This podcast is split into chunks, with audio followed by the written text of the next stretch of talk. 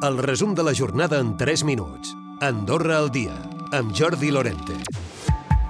Els arquitectes diuen prou a l'intrusisme. Han detectat un volum destacat de professionals forans sense permís per exercir. És per això que a partir d'ara se'ls permetrà treballar al país, però de manera limitada. Ho podran fer arran de la modificació de la llei de professions titulades que els permetia posar límits en aquesta matèria. Si abans un despatx a Andorra cedia la signatura arquitectes de fora, ara només ho podrà fer a un. S'hi ha referit la degana del Col·legi d'Arquitectes, és la Sònia Palau volgut adaptar una mica la llei a la nostra situació perquè aquests professionals estrangers puguin donar el servei. Només poden tenir un visat temporal cada vegada i quan acabin un projecte en poden començar un altre, però no abans. Clar, això limitarà eh, despatxos que actualment tenen 6 i 7 projectes en marxa a Andorra sense cap tipus de registre. I l'economia nacional continua creixent i torna a registrar xifres positives durant el primer trimestre. De fet, el PIB ha augmentat el 3,5% en comparació amb els tres primers mesos de l'any passat. Una dada que, segons el Departament d'Estadística, mostra la capacitat de mantenir la recuperació econòmica després del sotrac de la pandèmia i destaca precisament l'estabilitat de creixement de gairebé tots els sectors productius, sobretot per la dinàmica dels serveis, que han suposat més del 80% d'aquest producte interior brut. I mentre l'atur, el primer trimestre, està per sobre del 2%, és molt per sota del d'Espanya i de França. De fet, prop de 1.100 persones estan sense feina segons l'enquesta de les forces del treball i que constitueix una xifra una mica més baixa que fa un any.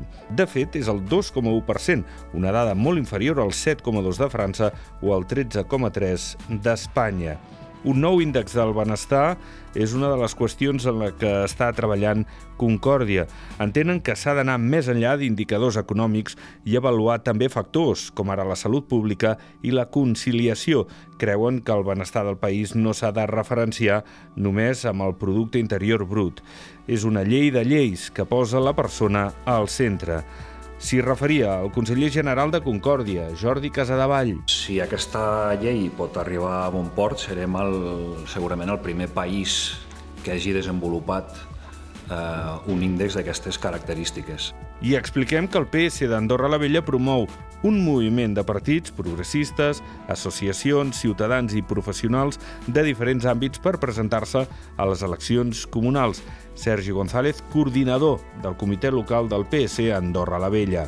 Paper en blanc on les diferents formacions, les diferents associacions, els diferents ciutadans puguem començar a fer aquest projecte i d'aquí esdevinguin qui ha de ser el que ha de liderar aquest projecte o des dels partits poder ajudar i poder dir, escolta, doncs tenim aquestes persones, qui et diu que potser un independent de les professions X doncs, pugui, sí. tingui ganes les agències de viatge claven perquè resolgui el problema de les cancel·lacions de vols a l'aeroport d'Andorra a la Seu. Consideren que és imprescindible perquè la línia sigui rendible i demanen alternatives.